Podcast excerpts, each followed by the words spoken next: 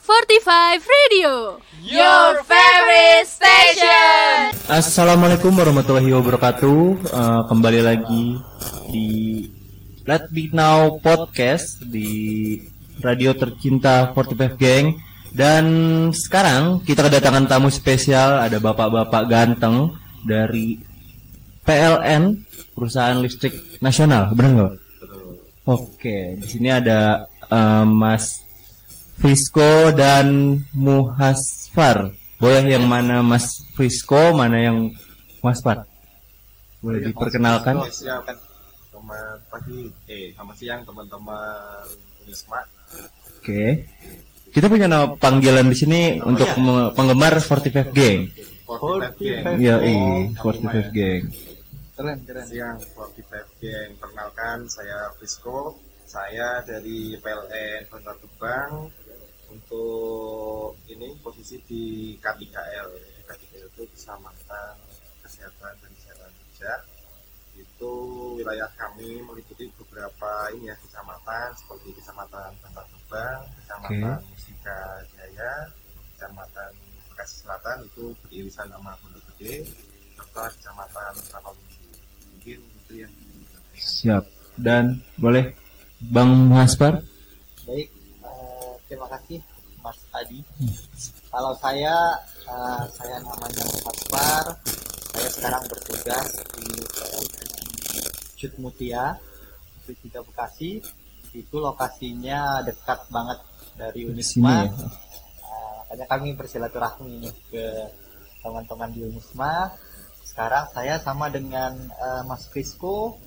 Eh, saya di bagian eh, keselamatan kerja, eh, keselamatan dan kesehatan kerja, termasuk juga dengan pengelolaan lingkungan eh, di Bekasi.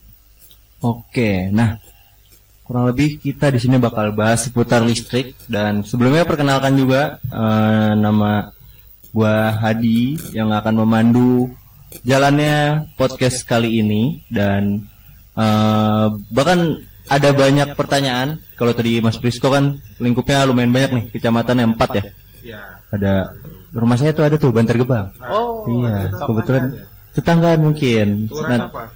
Kelurahannya Bantar Gebang. Oh, Iya, kita anak Bantar Gebang banget lah. Oke, nanti kita akan bahas seputar listrik dan ap- eh, bagaimana tata cara merawat listrik yang baik, terus juga edukasi tentang listrikan tentunya. Dan di Indonesia pengadaan tenaga listrik dikelola oleh Badan Usaha Milik Negara atau BUMN yang bernama PLN dan PLN ini merupakan bagian dari perusahaan perseroan di bawah Kementerian BUMN dan sebagai perusahaan yang bergerak dalam bidang pembangkit dan pengembangan tenaga listrik PLN memiliki catatan sejarah yang sangat panjang perjalanan berdirinya PLN telah melakukan kontribusi yang besar dan bahkan banyak torehan prestasi terhadap ketahanan energi listrik negara. Dan seperti yang tadi gue bilang kita akan membahas seperti apa sih tugas PLN mereka ngapain sih? Apa yang ngecek-ngecek? Apa namanya tuh yang di rumah-rumah? Meteran apa itu aja apa yang masangin kabel. Nah kurang lebih apa sih tugas dari PLN ini gitu? Kalau untuk secara umum ya kita ya menjalankan usaha penyediaan tenaga listrik bagi kepentingan umum dan jumlah dan mutu yang memadai. Serta mengukur perlindungan dan melaksanakan penugasan pemerintah di bidang tenaga listrikan dalam menunjang pembangunan dengan menerapkan prinsip-prinsip perseroan sehingga itu kita itu harus andal ya listriknya itu dengan tingkat mutu pelayanan yang beberapa bedanya. Oke melayani listrikan seluruh rakyat Indonesia lah. Berarti hitungannya. Eh, ada tambahan mungkin? Tugas dari PLN ini apa aja? Kayak mereka tuh yang ada yang ngisi token itu nyampungnya ke mana gitu? Oke, eh, jadi tadi betul seperti yang dikatakan eh, Mas Frisco. Pertama itu kita emang ditugaskan oleh negara ya, karena namanya ini adalah eh, di bawah negara, perusahaan negara, badan usaha milik negara. Maka eh, yang pertama tentunya adalah menyiapkan eh, energi listrik untuk masyarakat. Jadi tugas kami itu bukan hanya secara nasional, karena di negara kita ini kan Indonesia itu ya mungkin kalau di Bekasi ya 100% masyarakat sudah menikmati listrik. Tapi karena ternyata Indonesia itu jauh sangat luas, sangat besar. Ada eh, saudara-saudara kita di daerah 3T ya, daerah terluar, terpencil, eh, terdepan itu untuk masalah kelistrikan masih eh, sulit. Nah itu salah satu kewajiban kami, salah satu tugas kami memastikan bahwa seluruh masyarakat Indonesia di mana pun lokasi dia itu kewajiban kami untuk memberikan dia eh, energi listrik ketika mereka membutuhkan seperti itu. Berarti tadi jelasin kayak beberapa program dari PLN untuk masyarakat ya. Nanti bakalan semua seluruh masyarakat dapat merasakan listrik. Betul. verifikasi Oke. Bener sih. Ini kita sebagai manusia emang sekarang kayaknya udah nggak bisa lagi eh, hidup tanpa listrik. Betul. Kayak ngabarin orang gitu kan gitu. HP, HP listrik gitu. Nanti kita bakal bahas seputar eh, pemborosan listrik tuh berdampak ke mana sih? Nanti mungkin ya, bakal saya tanyakan dan ini ada berita terbaru belum lama ini Menteri SDM mensosialisasikan program Indonesia Zero Emission 2030. Lalu bagaimana andil PLN dalam menyikapi konversi dari bahan bakar fosil ke energi terbarukan yang sedang digaungkan Iya, sejak betul sekali. tahun-tahun ini yang sejak kemarin G20 ya. Benar, Itu benar sekali. energi Jadi terbarukan. energi terbarukan sekarang fokus negara itu jadi eh, benar-benar sudah pikiran kita itu sudah eh, global ya global. Jadi isu terkait dengan eh, net emisi eh, net emisi ini memang eh, ini udah menjadi isu global isu dunia isu seluruh negara. Adapun PLN berkontribusi di situ dengan mem- memastikan bahwa kami menyediakan sumber energi. Dari dulunya kami sering menggunakan bahan bakar fosil seperti batu bara perlahan kami mulai eh, alihkan ke energi baru terbarukan. Target kami itu di tahun 2025 itu eh, minimal 23% dari pembangkitan energi yang digunakan se Indonesia itu kami akan arahkan ke energi baru terbarukan. Seperti itu. Dan lebih ramah lingkungan. lebih ramah lingkungan. Betul sekali. Eh energi terbarukan ini berarti mau nggak mau harus sudah ada ya? Karena kan sangat eh, apa ya jika lama-lama pak eh, masih pakai yang lama itu kan bukan energi yang bisa didaur ulang. Betul. Ini kalau energi terbarukan ini bentuknya masih listrik juga kah? Atau gimana? Jadi eh, energi terbarukan itu eh, out- outputnya tetap listrik, tapi yang diolah menjadi listrik tersebut itu eh, berasal dari energi-energi yang eh, sifatnya melimpah bahkan ada terus-menerus di dunia. Seperti solar cell kita tahu matahari bersinar sepanjang tahun apalagi kita di Indonesia daerah katulistiwa ya. Sepanjang tahun kita akan diterangi oleh eh, matahari sehingga sangat memungkinkan terkait dengan eh, menggunakan solar cell untuk eh, pembangkit energi listrik yang nantinya akan dipergunakan oleh masyarakat. Keren ya. jadi eh, mendapatkan listrik dengan matahari tenaga surya Tenaga surya, Tenaga betul surya. sekali. Pembangkit listrik tenaga surya. Oke, dan eh, apa ya? Kita lanjut pertanyaan ada dan di zaman digitalisasi banyak memberikan kemudahan pada kehidupan masyarakat. Dalam hal ini PLN juga berinovasi dengan membuat aplikasi PLN Mobile. Gokil nih, memudahkan pelanggan dalam menjawab permasalahan terkait listrikan. Yang punya masalah seputar listrik bisa lewat PLN Mobile berarti. Nah, bisa nggak diceritain apa aja kegunaan dan manfaat dari aplikasi PLN Mobile ini? oke untuk seperti gangs untuk L mobile Ya, ya ya. itu memang ini ya pilot project kami di beberapa tahun terakhir jadi PN Mobile yang awalnya itu di App Store itu bintangnya dua setengah sekarang perlahan jadi 4,9 terakhir. Iya. udah Wih, dirasakan manfaatnya berarti ya. Ya, di Mobile sendiri semua apa keluhan semua apa itu terlayani semua ya jadi dari catat meter mandiri bisa kemudian beli token bisa untuk pelaksanaan pembayaran juga bisa kemudian pemasangan baru pengajuan perubahan daya terus penerangan tarif sementara untuk tarif itu juga bisa ya. jadi semua apa layanan itu bisa dalam satu genggaman teman-teman bisa download di App Store ya. Jadi nanti kalau di Apple udah ada juga ya Bang? Sudah ada. Betul. Untuk pengguna Android bisa di Play Store. Nah, ya, silakan teman-teman Spotify yang belum silakan install ya. Nggak harus punya rumah dulu kan, Pak? Sebagai anak juga bisa ya. Sebagai anak juga bisa. Karena kan orang tua kita mungkin masih ada yang gaptek ya. Ya, betul sekali. Itu tugas seorang anak tuh main HP. Eh, itu saya tambahkan sedikit mungkin ya. Jadi aplikasi ini betul-betul kalau udah tahu nih teman-teman udah tahu ternyata nggak install rugi sendiri benar-benar sangat rugi sendiri.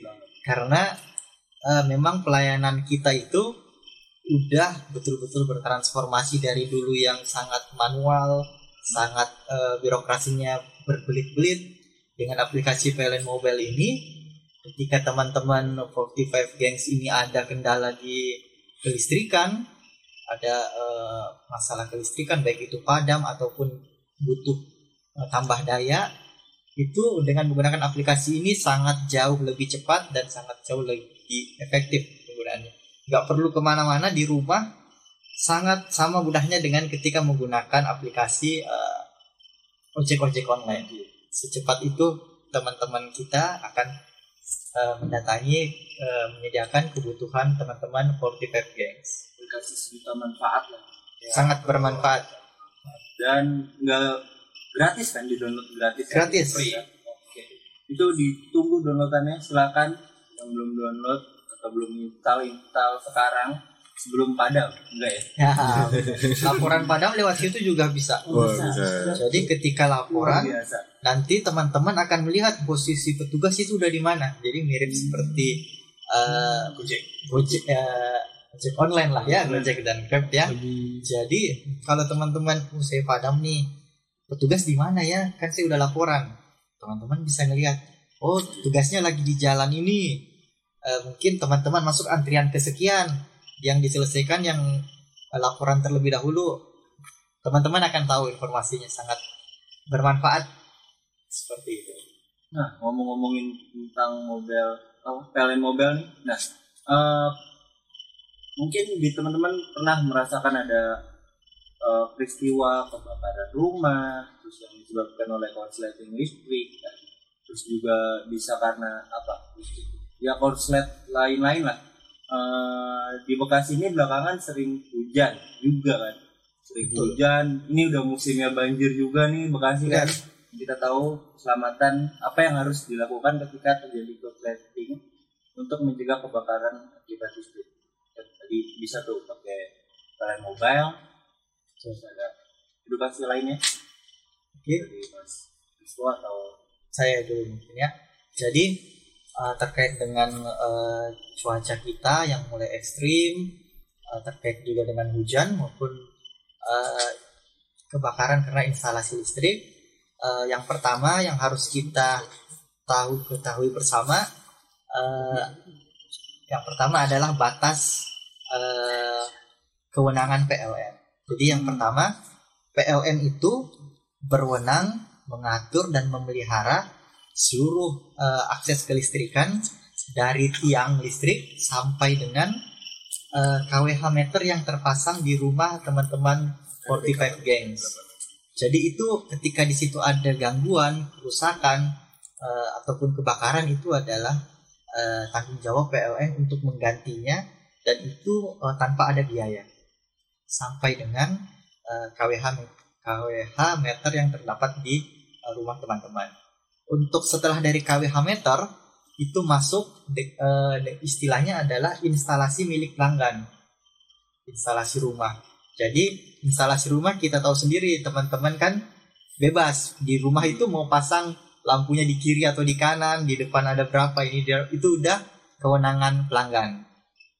Tapi PLN pun tetap memberikan aturan bahwa sebelum PLN menyambung listrik ke rumah tersebut, PLN kan yang masang instalasi ini bukan PLN.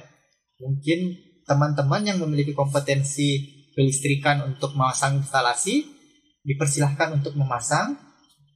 Nah, yang nanti ketika mau disambungkan energi listriknya ke rumah tersebut, PLN akan mewajibkan ada satu uh, unit yang akan memeriksa, memastikan instalasinya itu apakah standar sudah layak atau tidak. Kalau diperiksa ternyata sudah layak operasi, akan diterbitkan sertifikat layak operasi, maka uh, dengan adanya sertifikat itu, maka PLN baru boleh menyambung ke rumah tersebut. Jadi kalau belum ada sertifikat layak operasi, uh, itu PLN belum boleh menyambung energi listriknya sampai ke rumah pelanggan. Adapun terkait dengan biasanya ada kebakaran itu biasanya karena teman-teman uh, 45 Gangs mungkin yang pertama adalah usia instalasi kabel. Hmm. Jadi yang kebakar itu biasanya instalasi di dalam rumah. Instalasi dalam rumah yang menjadi tanggung jawab uh, pemilik rumah, pemilik persil masing-masing. Jadi sebaiknya setiap minimal 10 tahun sekali itu dilakukan pem, uh, pengecekan kembali apakah mungkin kabelnya sudah ada yang terkelupas apakah sudah uh, ada yang lekat benar ya? termasuk tikus sehingga ada kabel yang kebuka-buka dikit itu itu menjadi potensi nantinya bisa menjadi uh, potensi short circuit bahkan menimbulkan panas sampai dengan kebakaran. Seperti itu. Dari istri mungkin menambahkan sedikit ya apa tentang apa potensi bahaya listrik hmm. yang ada di rumah terkait tadi ya tentang kebakaran maupun yang lain. Jadi mungkin ini saran aja ya buat teman-teman body. Jadi kalau pas pemasangan stop kontak itu kalau bisa ini apa kan biasanya ada record misalkan rumahnya di daerah banjir apa itu kalau bisa masang stop kontaknya itu di atas seperti rutinan banjirnya. Jadi misalkan satu meter atau apa hmm. karena untuk antisipasi juga misalkan itu kemudian untuk apa saat ngecas saat apa untuk colokan yang lain itu jangan terlalu banyak ini yang ditumpuk di beberapa colokan di satu. Kalau bisa itu ini aja satu colokan bisa dipakai untuk satu atau dua kipas atau lain itu. Terus apabila ada apa ada cuaca buruk atau yang lain untuk teman-teman di pipe gang jangan main atau beraktivitas di dekat dekat jaringan SDM kita itu. Nah, khawatir nanti mungkin ada apa? Ada pohon atau apa yang nanti mengenai jaringan nanti bisa ini kita juga ke hmm, iya benar lagi bahaya banget bulan-bulan ini kan mungkin banjir pohon rubuh itu uh, kompleks tuh kadang tapi saya ngeliatnya kalian sering banget gerak cepat gitu. Kalau buat tutup lampu terkait kabel putus. Lu tahu gimana cara ngerjainnya? Saya nggak paham. Lebih cepat lah. Sih saya paham. Uh, nah sebenarnya saya mau nanya. Ini di luar petek uh, terkait kabel tuh kan. Itu kan kadang banyak banget. Apa itu kabel PLN semua? Itu kan kadang agak ngeganggunya. Kalau malam kadang kalian tuh turun ya kabel apa? Kendur kendur gitu jadi ini apa seperti di jalan raya dan yeah. lain itu tuh banyak apa kabel sekali semrawut ya. Jadi hmm. kita jelaskan untuk kabel PLN itu biasanya di tiang yang paling tinggi. Jadi ada tiga kabel terpisah begini itu namanya kabel di 20 volt kemudian biasanya di bawahnya itu ada kabel biasanya berpingin empat yang agak tebel nah itu kabel di sisi rendah itu 400 volt nah mungkin yang sering berantakan itu ada satuan atau dua kabel itu yang apa ini warna hitam nah itu biasanya kabel provider provider gitu. Jadi bukan PLN kalau untuk kabel PLN di wilayah Bekasi ini kita bisa asumsikan dan yang apa berantakan itu bukan tapi itu bisa untuk di bensin atau di tangannya lah. Minimal diikat. Nah, bisa bisa. Benar. Jadi uh, teman-teman 45 gengs harus tahu bahwa tadi seperti yang disampaikan Mas Fisco bahwa kabel PLN itu pertama yang paling gampang kita kenali dua jenis. Yang pertama dia di tiang yang paling tinggi, yaitu kabelnya cuma tiga tiga kabel di atas tiang yang paling tinggi. Terus hal itu tegangannya memang cukup besar sehingga kami tempatkan di tempat uh, uh, yang paling tinggi itu ketinggiannya 12 meter. Terus untuk yang tegangan rendah 400 meter, 400 volt itu me, uh, mengenalinya kabel PLN itu terpilih empat ya. Iya. Jadi dia terpilih empat. Nah kalau nanti teman-teman pasti jalan-jalan nih di luar, kalau melihat kabel nih, kok ini kabel satu urat ya, tapi kok pada ngelendo uh, turun-turun semua nih ke mendekati jalan. Nah itu udah teman-teman udah bisa menyimpulkan memastikan bahwa itu bukan kabel uh, milik PLN. Jadi itu kemungkinan adalah kabel uh, provider-provider yang menyediakan internet maupun TV kabel. Nah, itu terkait dengan perapihan. Uh, kalau kompetensi teman-teman PLN bisa untuk merapikan itu, tapi secara aturan kami nggak boleh menyentuh aset mereka karena aset mereka juga ya takut karena kita niatnya merapikan tetapi ternyata kok tiba-tiba ada yang putus nah itu sehingga itu harusnya uh, menjadi tanggung jawab pemilik provider uh, penyedia kabel tersebut. Seperti itu. Kadang agak ya, semrawut aja. Iya betul. Tapi kalau misalnya teman-teman masih ragu nih ah ini kayaknya PLN. Nah boleh dilaporkan ke aplikasi uh, PLN mobile. Teman-teman laporkan nanti petugas PLN akan datang ke lokasi mengecek memastikan oh ya ini PLN pak. Oh ini bukan pak. Jadi teman-teman bisa lebih eh, tahu oh ya benar tuh. Petugas PLN-nya udah datang ternyata emang bukan kabel dia. Mereka nggak bisa perapikan karena takutnya ada SOP khusus untuk merapikan kabel-kabel internet mereka. Seperti itu. Itu buat teman-teman yang dengar kabel atau pemilik kabel ya bisa langsung hubungi PLN Mobile. Dan ini kita ngomongin yang seru nih terkait mobil-mobil listrik. Oh, Ya, tadi kan tadi kita udah ngomongin eh, apa energi terbarukan terus ini ada mobil yang sering siuran akhir-akhir Iya. ini betul bahkan di dealernya saya udah pernah lihat lah sekali ada Iya. Bekasi. betul Nah itu mungkin ada tanggapan terkait energi terbarukan ini bisa didapetin di mana atau ini buat rumah saya yang eh, wattnya kecil bisa nggak sih pakai mobil listrik ini gitu atau gimana? Eh, baik kalau terkait dengan mobil listrik eh, teknologi ya. Teknologi itu kita memang tugasnya teknologi itu eh, memudahkan kehidupan manusia eh, membuat pekerjaan menjadi lebih efektif. Jadi teknologi sekarang itu mulai berkembang ke arah dengan eh, teknologi mobil listrik ataupun kendaraan listrik ini. Eh, mengapa ini berkembang? Karena yang pertama eh, untuk harga eh, harga bahan bakar yang dikonversi menjadi energi dengan menggunakan mobil eh, kendaraan konvensional dengan kendaraan listrik itu jika dibandingkan memang jauh lebih murah menggunakan kendaraan eh, electrifying electrical vehicle jadi kendaraan eh, berbahan bakar listrik. Jadi seluruh eh, ke depannya saya percaya bahwa bukan hanya beberapa merek eh, otomotif yang mengeluarkan ini. Sebelum eh, awal-awal Tesla mengeluarkan nanti makin lama saya yakin seluruh provider yang seluruh eh, brand-brand yang teman-teman 45 Gangs kenal itu arahnya semua akan mengarah ke sana.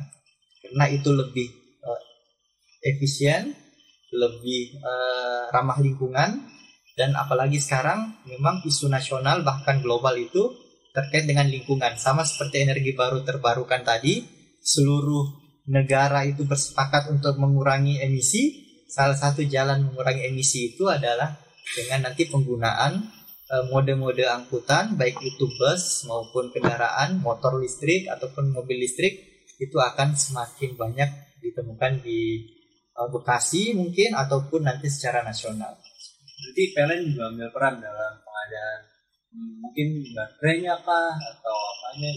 Kan kalau bensin sekarang pakainya Pertamina betul mungkin nanti ada perta LN gitu atau apa gitu. belum tahu nih Jadi eh, kalau sekarang PLN itu menyediakan stasiun pengisian dayanya. Jadi stasiun pengisian dayanya ini bernama SPKLU. Jadi stasiun pengisian untuk mengisi energi kendaraan listrik ini eh, ada di seluruh kalau di Bekasi itu di seluruh kantor unit layanan pelanggan ULP itu sudah kami eh, pasang, sudah kami siapkan termasuk di kantor unit pelaksana pelayanan pelanggan di Cut Mutia yang dekat dari kantor eh, tempat 45 Gangs ini itu di situ juga ada. Jadi teman-teman masyarakat umum yang eh, memiliki kendaraan listrik tapi belum memiliki stasiun pengisian di rumah bisa mengisi ke eh, kantor-kantor unit layanan PLN terdekat. Oke, tuh, di Bekasi itu udah serba ada berarti. Ya. Nah, paling lengkap lah. Pusat dekat segala macam. Kota dan eh, untuk mobil listrik ini yang bisa punya mobil listrik ini eh, rumahnya tuh harus punya tekanan volt berapa gitu. Ini ada yang tahu? Baik untuk itu ya untuk mungkin untuk ngecas di rumah Iya, ya mungkin istilahnya. ya. kan. Nah, jadi ke- kebetulan ini kita ada promo ya jadi teman-teman 45 Gangs yang berniat atau sudah mempunyai mobil listrik dan apabila di rumahnya mungkin dayanya masih kecil kita ada promo nih jadi minimal itu minimal minimal itu 7.700 PA ya. Yang untuk mobil listrik terus yang 3 pas itu bisa di- sampai 13.200 nah untuk pasang barunya itu kita ada promo yang satu pas itu cukup dengan membayar 850.000 untuk yang 13.200 cukup membayar 3.500 yang kalau di apa kalau nggak memakai promo ini kalau reguler itu lumayan tuh kalau yang 13.200 itu sekitar 13 jutaan 13 juta. kalau yang 7.700 itu 7 jutaan nah ini bisa didapatkan dengan 850.000 dan 7.500 gitu. tentunya ada di PLN mobile gitu. Iya, Yes, betul sekali ya. Bisa menggunakan aplikasi PLN Mobile itu. dan ini kita menuju pengakhir eh, pertanyaan. Eh, ini untuk proses pemeliharaan listrik yang baik di rumah itu seperti apa? Kalau yang pertama, kalau untuk yang di rumah dulu, eh, walaupun ini eh, kami mengedukasi ya karena yang harus merawat peralatan di rumah adalah pemilik rumah. Nah, edukasi kami yang pertama sudah disampaikan oleh Mas Fisco juga bahwa eh, tolong untuk ketika menggunakan peralatan elektronik, kabelnya jangan sampai menumpuk lebih dari tiga. Udah kita maksimalin dua. Kalau tiga itu sangat membebani kabel karena ketika dia eh, ada beberapa peralatan elektronik di situ terhubung lebih dari tiga, maka kabel utama yang mengarah ke situ itu sangat panas. Itu salah satu penyebab mengapa banyak kabel eh, listrik rumah itu eh, terkelupas. Salah satunya karena faktor panas itu yang udah mencapai titik panasnya. Itu yang pertama. Pak. Makanya sering kita lihat ketika misalnya instalasi seperti AC seperti ini itu dibuat terpisah sendiri. Memang dia berdaya besar, jadi sangat disarankan dipisahkan dengan peralatan lain karena kalau ada peralatan lain lagi yang nyantol ke sana, kabel yang mengarah ke AC itu udah sangat panas. Di situ berpotensi kebakaran. Itu salah satu contohnya untuk eh, pemeliharaan teman-teman instalasi rumah di rumah teman-teman. Terus yang kedua sama juga yang disampaikan Mas Frisco bahwa ketika membangun rumah atau menambahkan eh, colokan listrik di rumah, tolong dipastikan kalau memang rumah kita biasa eh, mendapatkan banjir, ada beberapa rumah kita yang mungkin sudah menjadi kebiasaan ya banjir, tolong itu stop eh, colokan listriknya dibuat lebih tinggi dari banjir pada umumnya. Jadi pertama eh, menghindari banjir, yang kedua itu juga menghindari dari eh, anak-anak kecil yang belum mengerti tentang bahaya listrik bisa eh, tidak memegang eh, peralatan-peralatan yang berbahaya. Seperti itu. Nah, tadi kita udah bahas penyebab, terus cara pemeliharaan. Nah, kalau dari Mas dulu nih, eh, pengalaman ada nggak sih cerita seputar setrum listrik atau ada orang yang kesetrum di Bekasi lah khususnya itu banyak nggak sih di Bekasi ini yang masih minim akan pengetahuan uh, listrik ini Betul, betul. Eh, terima kasih. Jadi terkait dengan ini sangat penting juga kami sangat menghimbau karena kami masih sering mendapati. Jadi kami sering mendapati eh, alhamdulillah trennya semakin menurun. Tapi beberapa tahun terakhir itu masih kami dapati ada eh, proses renovasi rumah. Jadi pada umumnya tuh renovasi renovasi rumah ternyata mendekati saluran SUTM kami. SUTM itu saluran udara tegangan menengah. Jadi saluran yang kami cerita saya ceritakan tadi bahwa dia itu di atas ketinggian 12 meter tuh kita taruh kabel kita. Kita emang jauhin dari rumah tapi ternyata proses renovasi rumah biasanya rumahnya emang nggak nyampe ke 12 meter. Tapi ketika dia lakukan renovasi mereka menaikkan baja ringan, menaikkan tangga ataupun menaikkan material-material ternyata itu mengenai saluran SUTM itu saluran itu menjadi luka dan akhirnya ada arus yang mengalir ke eh, tubuh dari biasanya eh, pekerja-pekerja bangunan itu.